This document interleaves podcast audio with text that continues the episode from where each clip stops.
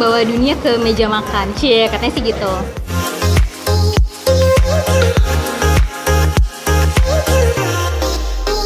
nggak jauh dari markas FPI dan juga di seberangnya kota Casablanca. Nggak tahu deh mana yang lebih menarik buat kalian ya. Jadi waktu itu ada bom di Kampung Melayu kan, itu pas bulan puasa. Nah malam itu aku pertama kali dapet tamu orang Palestina. Kenapa sih kalian di Indonesia ini uh, saling berantem? Kan isinya orang Indonesia semua? gue sengaja milih nginep di tempat lo karena gue pingin uh, membuktikan bahwa stereotipe bahwa orang Cina mainland itu kotor dan apa tidak punya aturan itu tidak benar. Uh, yang menarik juga waktu itu orang uh, Kenya. Jadi orang di sini tuh belum terbiasa ya ngeliat orang kulit hitam Semoga orang Indonesia lebih bisa menghargai keberagaman bahwa kalau yang dianggap turis itu nggak cuma orang kulit putih yang punya duit. Solusi tenggorokan smooth banget produk placementnya ya. Kalaupun kita kritis terhadap kelompok-kelompok fundamentalis jangan berarti kita nggak suka sama ajaran agama tersebut atau orang yang memeluk agama tersebut gitu ya yang penting kita tetap bertetangga dan saling menghormati. Hal-hal yang basic sih just accept everyone. Uh, jangan just set the rules aja. Udah sih saling menghargai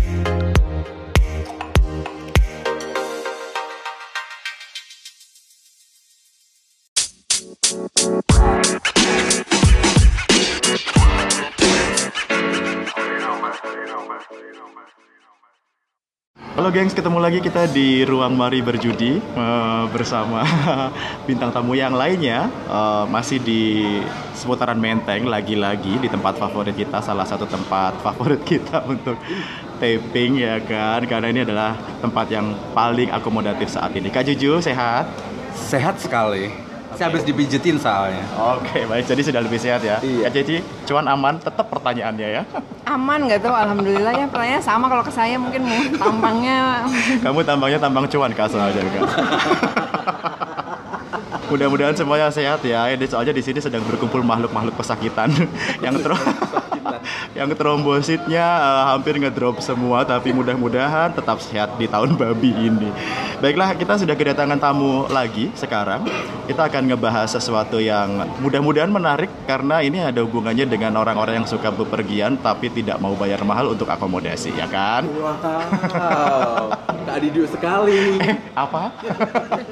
Baik kita sudah kedatangan tamu seorang host Airbnb ya, yang adalah seorang uh, duta bangsa yang sangat kreatif uh, mengkaryakan tempat tinggalnya menjadi uh, hunian bagi para pelancong Traveler. itu bagi para traveler ya. Langsung saja kita minta kenalan ya kak ya. Boleh, kita kenalan dulu. Kita kenalan dulu. Eh, mungkin oh, jadi saya ya. Saya nggak punya Airbnb, saya cuma pu- punyanya hotel bintang 7 Bintang tujuh. Suaranya mana kak? Halo saya pemilik resort di Bintang Eh, nggak usah, nggak usah dicakep-cakepin deh suaranya deh kesel. halo saya Intan udah gitu ya Kak, jadi kamu punya Airbnb apa Kak Intan? Oh oke, punya Airbnb apa? Oke, jadi aku eh, tinggal di rumah orang tua nih ceritanya. Oke. Terus ada satu kamar yang eh, waktu itu nggak dipakai. Mm-mm. Jadi karena pasangan aku itu kelewat pembersih orangnya. Apa? Pasangan. Iya, jadi Pembersih? iya. Jadi dia yang bersih-bersih terus akhirnya oh iya, kenapa nggak disewain aja waktu itu aku kebetulan lagi lihat-lihat searching tentang eh, desain interior apartemen gitu. Tiba-tiba nemu banyaknya itu dari Airbnb, terus ngelihat itu jadi kayak kenapa nggak rumah gue sendiri ya jadi Airbnb gitu. Jadi ada satu kamar yang disewain di rumah orang tuaku, sama ada satu kamar eh, yang baru kita buka di rumah pasanganku ini. Oh gitu. Itu daerah mana? Daerah mana? Daerah mana? Eh, rumah aku di daerah biar elit aku ngaku-ngakunya tebet aja ya Padahal, padahal di Palbatu Pulo. Menteng Dalam Bagi, Di- bagi yang nggak tahu, dijelasin dong. oh kan iya audio. bagi yang nggak tahu maaf ya di sini nggak ada kameranya ya oke jadi eh, kam- rumah aku itu Palbatu Menteng Dalam nggak jauh dari markas FPI dan juga di seberangnya kota Casablanca. Nggak tahu deh mana yang lebih menarik buat kalian ya. Nggak menarik karena macet kota Casablanca kak. Saya lebih tertarik sama di daerah sini dekat kuburan. Jadi Iya. tenang. Dekat kuburan Iya. juga emang. Itu dari tahun berapa kak? Eh, Airbnb-nya itu dari tahun 2016. 2016. Oh, udah lama ya? By the way sebentar, dirimu belum kenalan loh.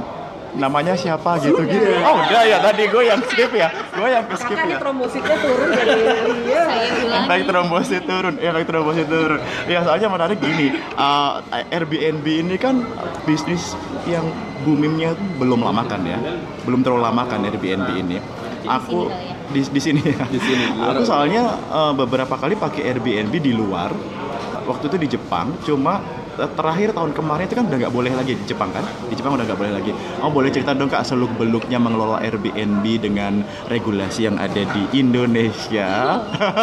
Barangkali nanti ada yang terinspirasi mau buka juga kan? Pertanyaannya berat ya, regulasi khas orang NGO. Kak, kamu kalau mau ngobrol sama aku ini selalu disertai dengan coaching ya. Oke, lanjut. Oke, ternyata podcast ini taat hukum ya. Taat hukum. Jadi eh, waktu buka Airbnb itu, terus terang pertamanya aku nggak mikirin regulasi, tapi terus kepikirannya lebih karena si markas organisasi tersebut sebetulnya takutnya dia nggak suka banyak kehadiran orang asing. Akhirnya aku kulenuan ke rumah Pak RT itu pas lagi bulan puasa.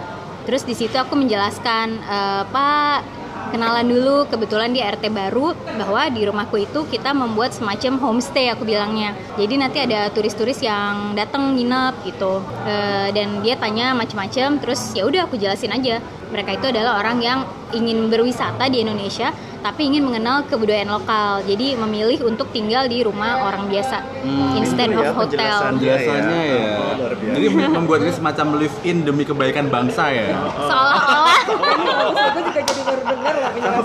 Tapi ini menarik Tips loh trik untuk ngomong ke Pak RT agar Iya. diloloskan. Terus ada lagi tips dan trik untuk ngomong ke orang tua.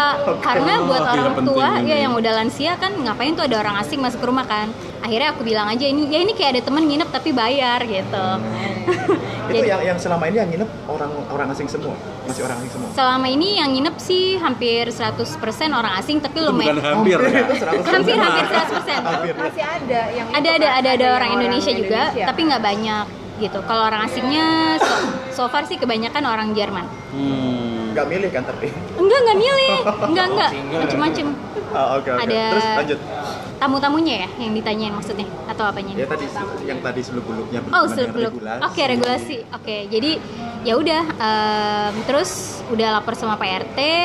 Terus kalau soal pajak kan eh, kita kan emang belum diatur ya. Mm-mm. Jadi itu ya kitanya sendiri aja sih. Eh, kan itu pendapatannya nggak untuk aku, untuk orang tua. Oh, oke. Eh, jadi sebagai pensiunan tahu ya, kayaknya rata saya hanya bayar PBB rumah aja tuh. Oh gitu. Hmm, Jadi untuk yang ada rumah ya, karena untuk pensiunan yang, ya. Iya, gitu katanya. Itu salah satu trik lagi loh sebetulnya. Iya. Pemotongan pajaknya jadi murah. Karena di Iya. atas nama kan orang tahu, oh, untung nyokap gue udah pensiun. Oke, habis ini saya mengikuti trik Anda. Tapi emang itu salah, salah satu concernnya Iya. untuk Airbnb kan adalah itu Iya, ya betul. kan. Nah. Makanya di Jepang itu kan akhirnya sekarang hanya untuk rumah-rumah yang memiliki izin sebagai tempat penginapan boleh Airbnb kan. Eh, tapi teman aku tahun kemarin ke Jepang, terus dia masih tetap nginep di apartemen Airbnb, cuman dia disuruh bohong gitu, ngakunya Oh. bilang aja kamu teman saya gitu. Oh, Kalau aku sih bukan orang yang maksud gue kalau emang udah jelas ada aturannya ya udah aku mau mau aja lapor. Cuma Iya, kan iya. emang belum ada kan? Iya, iya, Di Indonesia belum Cuma ada. Iya. waktu itu karena soalnya sempat bikin petisi mereka orang-orang Jepang itu Oh, dan gitu. aku sendiri merasa dirugikan. Iya, mereka sempat bikin petisi untuk mengizinkan orang-orang yang mau membuka Airbnb itu bisa tetap buka tanpa ada eh, izin untuk penginapan secara umum gitu, secara resmi gitu loh. Dan ke- kemarin terakhir yang aku waktu mau ke sana buka Airbnb itu yang yang yang yang masuk di list Airbnb di Jepang itu memang tempat-tempat penginapan biasa. Jadi akhirnya ujung-ujungnya aku pesan Oh. hotel biasa. Jadi Airbnb-nya kayak marketplace Iya, betul. penginapan ya. Betul. Oh. betul. Mungkin nggak tahu ya kalau sekarang Iya. itu terakhir tak akhir Iya. tahun sih. Mungkin mereka ada sistem proteksi kali, proteksi untuk industri pariwisata lokalnya. Bisa jadi, bisa jadi. Karena itu concernnya adalah itu. Kakak mau nanya apa Kak Cik? Oh, yang menarik itu adalah pertanyaan penasaran nih, apa yang pen- pengalaman yang paling unik dan pengalaman yang paling menyebalkan ketika hosting tamu Tadi nggak ada yang ya. menyebalkan, tadi dia ketawa-ketawa. Bahagia selalu. juga. Ya, oh, juga. Ceritakan, Chris. Keluar kan. Aduh, yang unik ya emang banyak banget sih karena dari beberapa sekarang kan tamunya kayak mungkin udah hampir 200 gitu ya. Wow. Cuma beberapa tuh emang jadi temen gitu. Yang paling unik eh, mungkin ini kali ya. Aku pernah punya tamu itu dia orang Indonesia dan orang Amerika yang sedang kesulitan mendapatkan visa dan juga sulit mendapatkan dukungan orang tuanya untuk menikah karena beda agama. Oke. Jadi waktu itu agak-agak cukup hmm, cukup mengharukan gitu sih karena mereka tinggal di rumah itu karena nggak bisa ketemu sama orang tuanya sendiri. Hmm. Kemudian iya, jadi Jadi dia Airbnb dipakai sebagai backstreet. Tempat sebagai Backstreet Boys Alright. alright. Ya. Aduh, dan bintang tamunya agak Kenapa agak oleng seukur juga. Lanjut, lanjut, lanjut, lanjut. ya, Jadi se- dia sejoli zaman itu. repot lita 5 ya. Aduh, repot Lita. GBHN. GBHN dan PPKN. Jadi gimana gimana? Dua sejoli Iya. tadi kemudian jadi mereka datang ke rumah aku terus nangis nangis gitu habis gitu yang perem- eh, Tia yang perempuannya terus intinya eh, kenapa mereka sulit mendapatkan visa? Karena mereka nggak punya dokumen asli kayak akta lahir segala macem. Hmm. karena itu masih di kampungnya. Oh, Oke. jadi aku selama mereka tinggal dengerin cerita terus. Terus jadi menyimak perjalanan karena walaupun mereka udah nggak nginep mereka selalu update gitu. Akhirnya eh, ceritanya berakhir bahagia sih. Dia akhirnya pulang kembali ke kampungnya. Hmm. dan akhirnya kayak terjadi adegan tangis-tangisan terus pokoknya set- dua apa setahun kemudian setelah kejadian itu dia udah nggak nginep di rumah aku tapi kayak kalau ke Jakarta Mbak Intan kita ketemuan yuk gitu pengen update update ya kayak gitu sih jadi berteman dia cerita bahwa ibunya akhirnya menerima Oh, mengizinkan. mengizinkan kayak Mereka udah menikah berarti sekarang.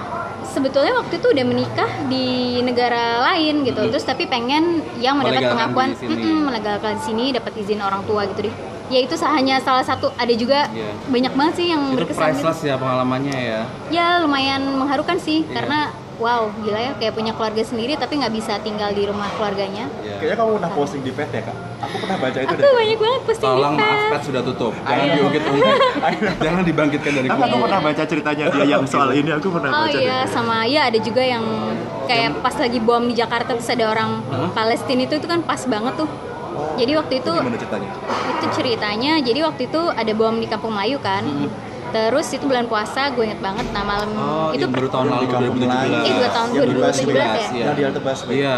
iya yang Delta Busway terus eh, itu pas bulan puasa nah malam itu aku pertama kali dapet tamu orang Palestina yang nggak bisa berbahasa kurang bisa Inggris. berbahasa ya hanya bisa sedikit lah terus em, aku ya cukup ini juga ya apa kayak wow gitu.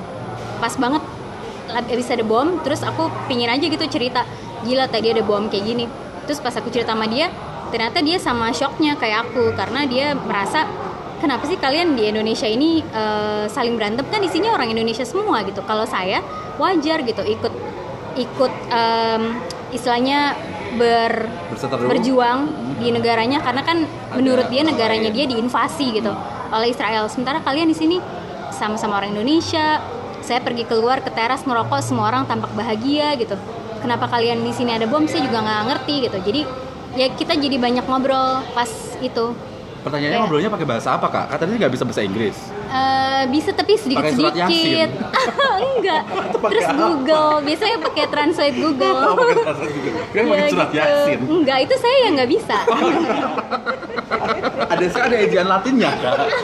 tapi tapi ini menarik karena dari dari satu rumah aja itu kita bisa kita, kita bisa lihat warna dunia gitu Betul, loh betul, Kak. betul. kita tidak hidup di dalam satu satu tempat yang uh, homogen Iya, gitu loh iya, dari iya, satu rumah aja ini Iya. menarik gitu karena kadang-kadang orang-orang yang pikirannya agak shallow itu ya kan itu kan nggak pernah kelihat lihat mana-mana kan Nah, sebenarnya juga karena kan aku tidak punya banyak duit tuh keliling dunia ya, kakak-kakak. Ya, jadi kamu keliling Jadi dunia dari mata orang-orang penginap. Betul, aku membawa dunia ke meja makan. Cie, katanya sih gitu.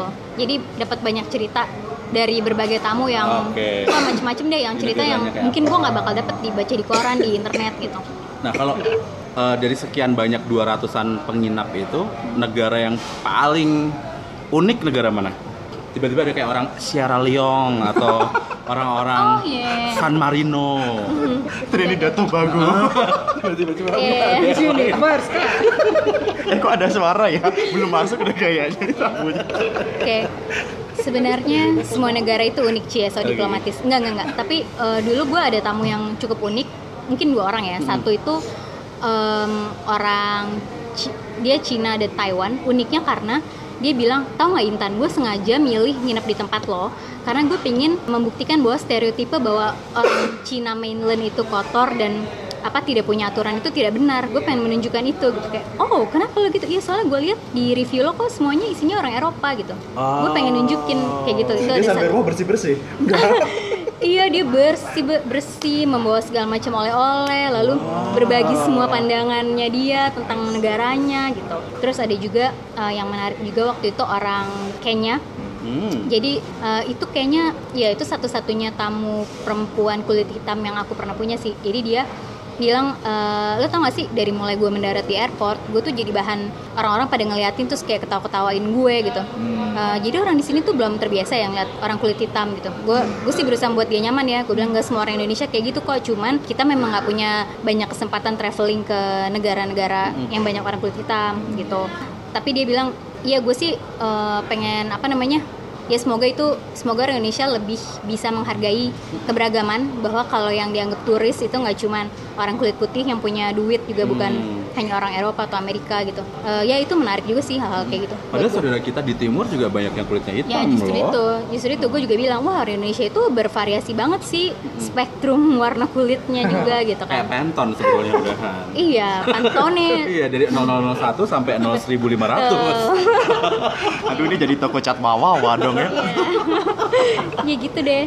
Ya cukup menarik-menarik sih. Kalau yang pahit-pahit ada nggak? Misal ada yang hoarder, tukang nyampah gitu atau oh iya, iya, iya. Kabur, ada yang bayar. Ma- iya nggak kabur nggak bayar. Kayak nggak mungkin dia kan bayarnya pakai kartu Oh, kredit. Bruno, siapa tahu gitu kan. Atau mungkin di tempat ah, terus.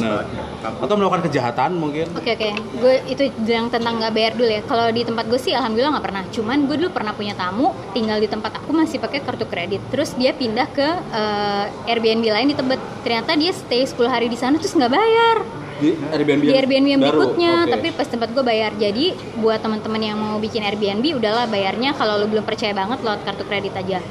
Terus yang kedua eh, peristiwa yang nggak menarik ya, eh yang menyebalkan tidak menyenangkan. tidak menyenangkan ya hmm, gue sih pernah mungkin kayak waktu itu ada orang yang apa namanya oh ya kayak yang baru-baru ini deh dia udah booking buat sebulan tiba-tiba dia cuma tiga hari terus minta dipesenin taksi besoknya karena dia mau hengkang dari Indonesia dan pergi ke Thailand. Karena dia nggak betah sama Jakarta katanya.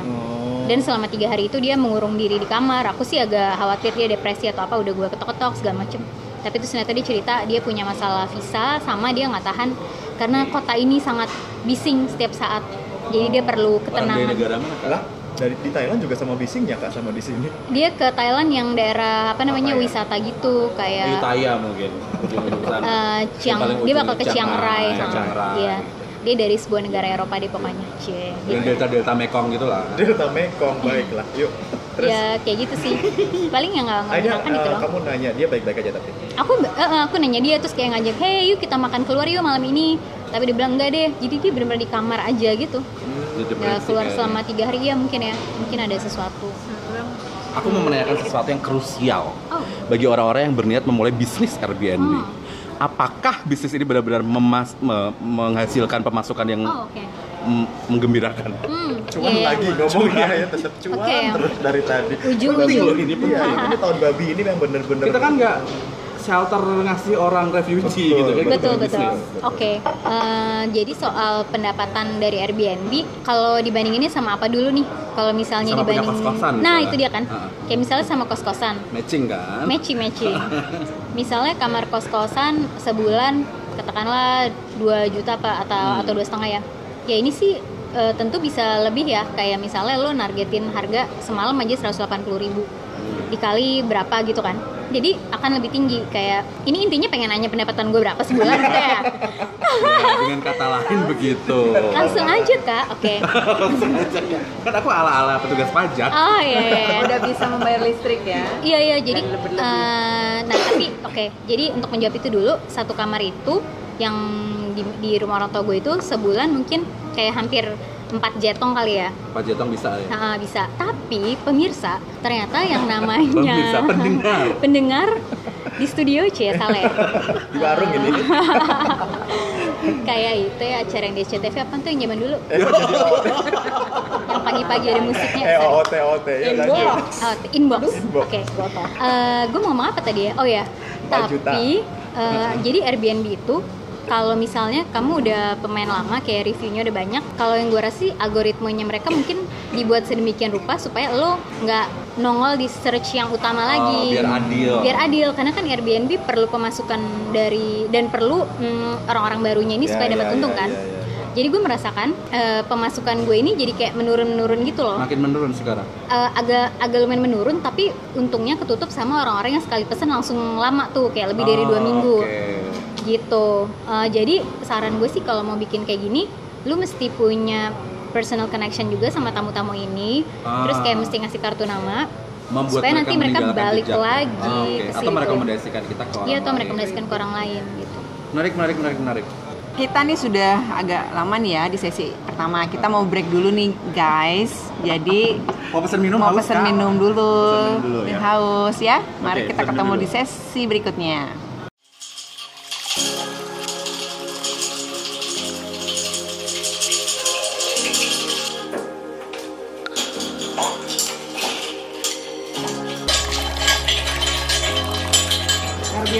Jadi udah pesan minum semua nih ya.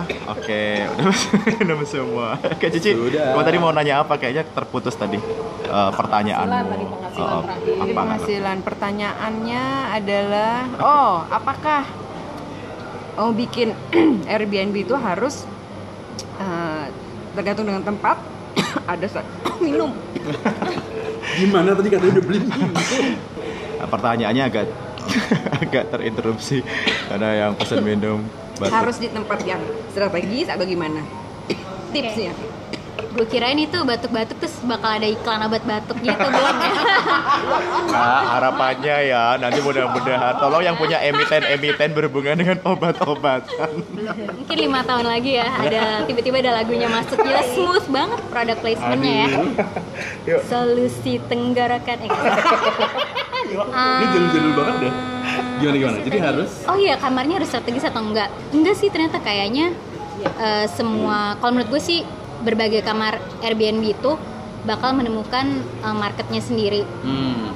asal lo ya lihat-lihat aja kompetitornya kayak gimana gitu kayak misalnya di Jogja nih Mm-mm. gila di Jogja tuh kalau gue lihat harganya benar-benar bersaing banget Hmm. akan susah deh masang harga 250 semalam tuh akan susah tapi kalau misalnya cuman punya seonggok kamar kosan gitu kan yang ada obat nyamuknya di pojokan kalau menurut gue kalau masang harganya 100 ribu akan tetap aja. Mungkin ada mungkin lagi ada eh, orang asing yang sedang apa penelitian atau cari kerja di Indonesia dia mau sewa berapa hari nggak pengen spend a lot of money juga bakal ada aja sih orang yang mau gitu.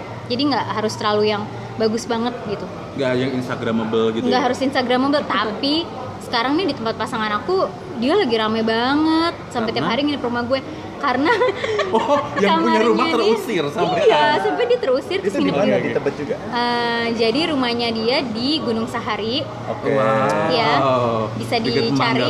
ya dekat Monas dekat lain-lain. Ya. kenapa dia instagramable ya? Soalnya dia emang pakai arsitek sih buat ngedesain. Padahal itu bukan rumah bagus ya. Kayak bener-bener cuma satu kamar doang. Hmm. jadi itu cuma satu kamar di atas bawahnya dapur udah.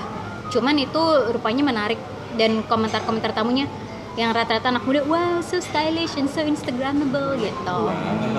Tapi menurut gue tetap ada yang kamar yang kayak murah-murah gitu-gitu tetap ada marketnya Tetap sih. akan ada segmen Iya. yang Aku pengen, pengen penasaran tadi elaborasi. Yang di Jogja tuh bersaing eh, kalau mau pasang harga 250.000 itu agak susah. Itu agak susahnya karena kita perlu pasang harga yang lebih rendah dari 250 atau gimana tuh eh, ininya? Iya, jadi di Jogja itu jenis Airbnb yang ada, ada yang dari mulai rumah pribadi, sama yang homestay yang kayak cuma ada tiga rumah terus bikin homestay, sama ada homestay homestay yang udah lebih serius juga tuh di sana.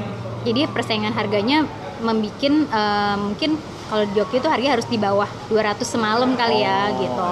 Karena commonly mereka ngeset harga segitu. Iya, karena mereka ngeset harganya udah nggak terlalu tinggi juga, saking banyaknya di sana. Iya iya iya. Dan lagi pula di sana hotel juga sekarang Banyak, gila-gilaan ya. mursid-mursid. Iya iya Iya, iya. iya. tapi gue sih berharap si Airbnb ini kan uh, ada fitur baru nih namanya Airbnb Experience. Sebetulnya gue personally berharap uh, kayak lembaga-lembaga non profit gitu bisa memanfaatkan hal-hal seperti ini buat tujuan-tujuan sosial mereka juga gitu. Hmm, Jadi oke. Langsung iya. kak. Langsung ya misalnya, langsung yang membumi kak kamu idemu itu tadi contohnya bagaimana? Jangan yang ngawang-ngawang. Oke. Ya kayak misalnya gue lihat ada organisasi yang mendukung membantu perempuan-perempuan korban kekerasan gitu ya. Eh, mereka bisa fundraising dari situ. Ya udah langsung disebut aja di di Oh langsung di di copywritingnya situ bahwa hey kalau lo nginep di sini lo ikut mendukung perjuangan kita lo begini-gini. Atau mereka bisa create uh, Airbnb experience kayak misalnya uh, yuk lu nginep di tempat kita terus nanti kita ajak pagi-pagi ke pedesaan yang uh, apa kayak mendampingi petani untuk bikin coklat atau apa pun see, bisa kayak oke, gitu ada Airbnb experience namanya Jadi semacam membayar Tur, tur. live in ya, live in di Iya. tempat itu gitu. Iya, Jadi iya. dia nggak cuma membayar bed, betul tapi dia membayar Experience. experience. Iya dan di negara berkembang lain kayak di India atau di beberapa negara Amerika Latin udah banyak banget tuh Airbnb experience yang untuk program-program pemberdayaan kayak gitu. Oke. Kenapa sih jadi kayak anak NGO ngomong? Oh emang iya gitu kan ya. Larinya ke sana kak. Kamu kalau gitu mau campaign apa kak lewat Airbnb? Langsung aja kak. Enggak sih, sebenarnya aku juga mau cari investor, cie. Jadi aku pengen menawarkan nih kalau ada teman-teman yang pengen berinvestasi terus kayak, hey yuk kita bangun tiga kamar baru kan, menarik juga nggak sih? Oke ya. Masuknya smooth juga ya. Jadi nggak harus iklan, tapi ternyata untuk mengget investor pun bisa sesmooth Bisa, ini. jadi bisa Ternyata. yang sosial maupun yang bisnis bisnis, ya nggak sih? Gitu. Tapi untuk yang kalian kalau campaign-campaign kayak tadi itu kamu kebayangnya apa? Misalkan mendukung ini, mendukung itu, eh, kamu sendiri kebayangnya apa? Oh, aku sih kebayangnya kalau aku lihat ya banyak organisasi di Indonesia yang mereka tuh udah punya sekretariat sendiri. Terus tapi kayak nggak dimanfaatin 100%. Ya udah sih kenapa nggak lu sewain aja satu kamarnya buat sekedar kalian bayar listrik atau bayar Iya. apa gitu. Itu bisa banget. Nah ini kan Dan dan juga benar. hmm, kalau yang gue alamin kayak gue ketemu beberapa orang yang seminat gitu kayak yang suka buku atau yang suka kesenian dari negara-negara lain. Jadi kayaknya we just have to be ourselves on Airbnb karena kita akan menemukan orang-orang yang seminat sama kita gitu somehow. Oh, wow. Iya iya beneran. Jadi mau sekali ya kan kita emang nggak salah ngundang Iya, host ibu hari satu ini. ya Ibu tahun 90-an ibu ini. tahun Oh, 90. Dia 80 Bukti dari tadi ada inbox dan lain sebagainya keluar ibu. Dia itu angkatan ketika model bintang Lux masih berjaya kak. Vote for Bella Safira. Vira Yunia Si tenggorokan kesel. Aku ada pertanyaan menarik nih. Eh, berarti kalau experience Airbnb experience, berarti kan si ownernya harus ada effort kan? Iya. Karena mostly gini, kalau dari pengalamanku Airbnb itu ya udah kita bahkan kayak nggak ketemu sama ownernya gitu. Ya, Oh, check in iya, check in iya. sendiri, Ya. keluar keluar sendiri, bersihin kamar bersihin sendiri gitu kan. Nah, ah, kalau kayak Airbnb itu berarti kan si ownernya harus Engage. harus engage sama Iya sih. tamu gitu. Nah, itu ada tips nggak gimana caranya? Iya, em, kita bisa bilang aja sih kayak misalnya, hey, I'm mostly available on weekends gitu. Kita bisa ketemu. Tapi kalau hari-hari biasa, ya gue kerja eh, sebisanya kita ada waktu sih. Tapi dalam bayangan gue kalau ini atas nama organisasi kan pasti ada aja tuh orang yang bisa eh, attend to their needs gitu. Jadi kayak misalnya, ya udah dijadwalin aja, diplotin eh, ada volunteer yang mungkin mau ngajak tamunya keliling-keliling kayak gitu-gitu deh. Nah, sekarang pertanyaan konkretnya, kalau di tempat kamu, Kak, Mm-mm. customer akan dapat apa? Penginap akan dapat experience apa nih yang kamu tawarkan beda dengan kamar lain Airbnb lain? Hmm. Kamu akan ajak mereka berkeliaran mencari kerak telur kah? Atau mandi di Ciliwung? Nggak kalau sama dia akan diajak menjadi relawan NGO.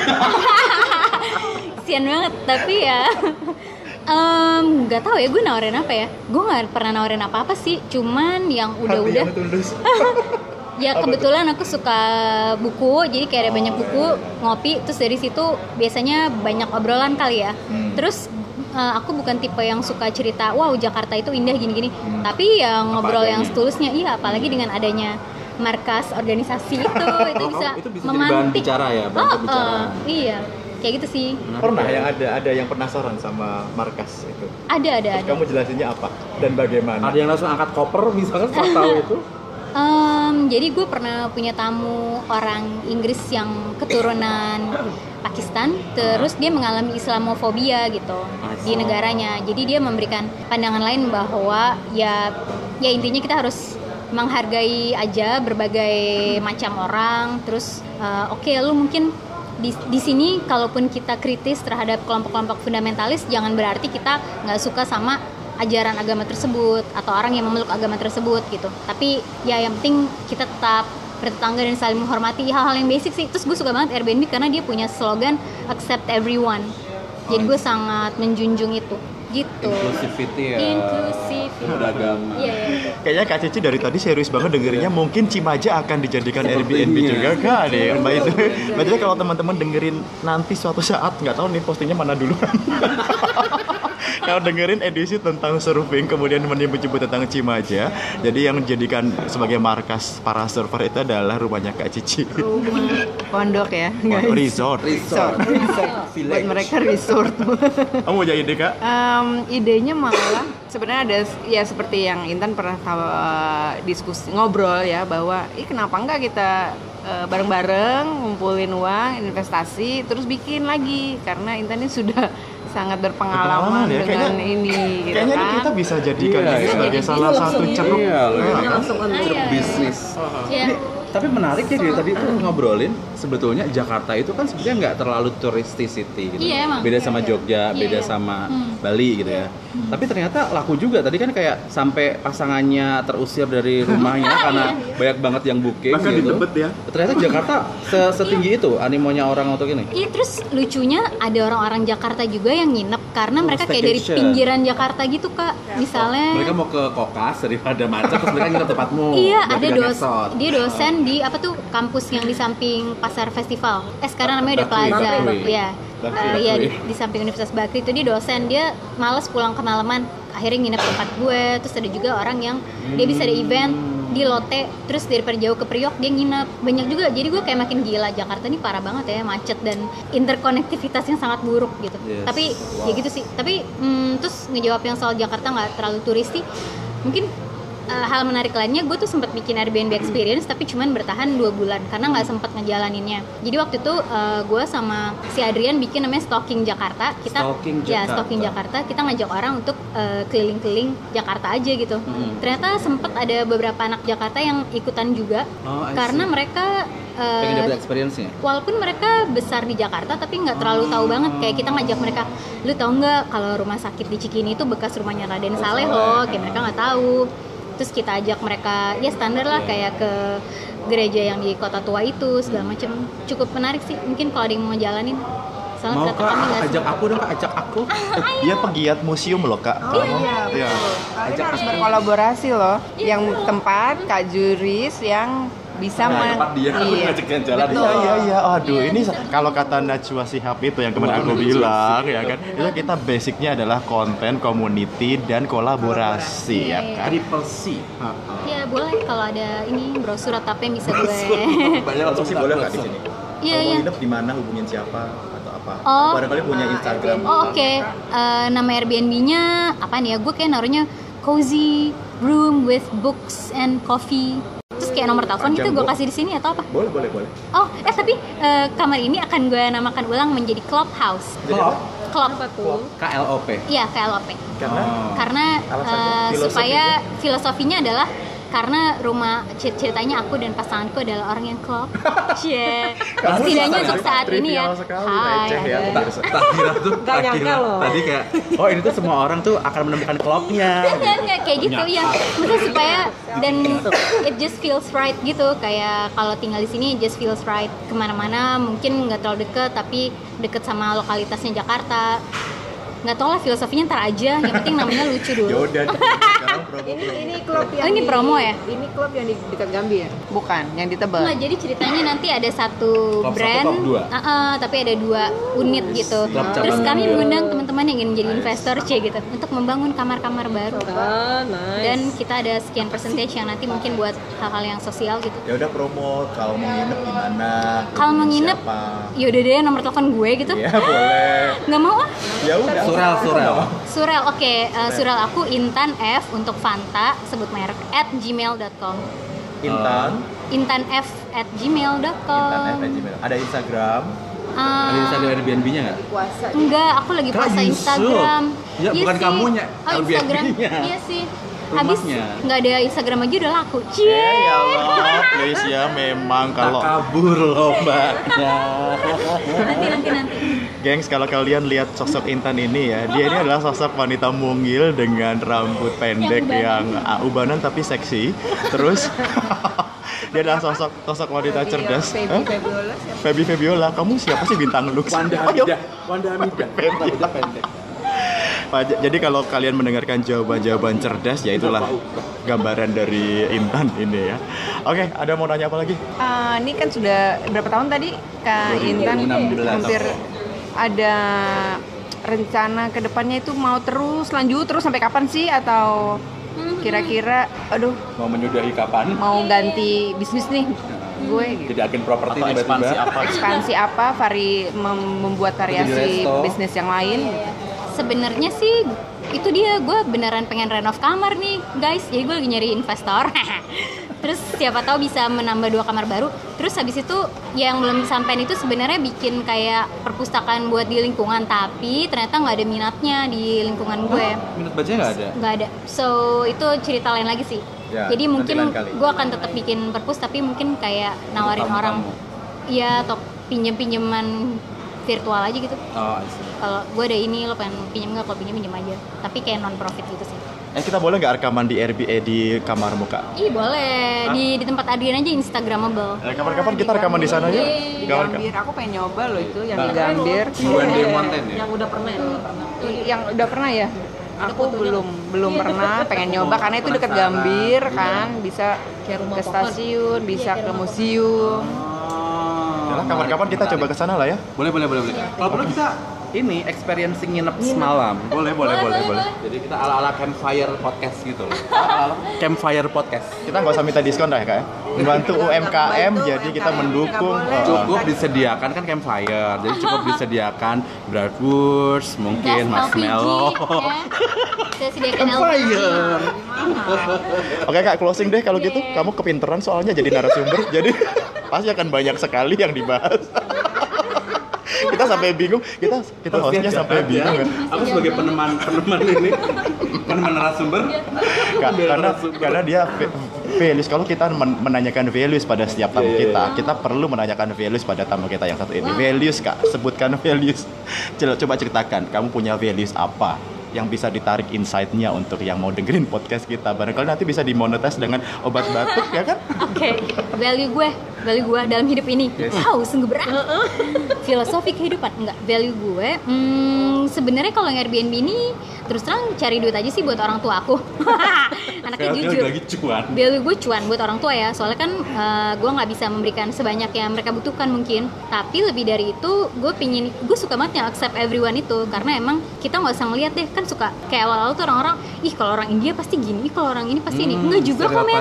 Iya, jadi just accept everyone. Uh, jangan just set the rules aja. Udah sih saling menghargai gue kayaknya gitu deh. Saling menghargai Iya. garis bawah gitu ya. Menghargai kan? keberagaman, Values-nya itu. menghargai orang macam-macam. Saling menghargai, Hmm. menghargai keberagaman. Ya, Mantap sekali. oh wow sekali ya bintang tamu kita tidak salah kita mengundang uh, yang Iya. satu ini Mungkin ada jilid dua abis ini. ada jadi dua dengan tema yang berbeda tadi bisa. boleh boleh boleh di Investasi.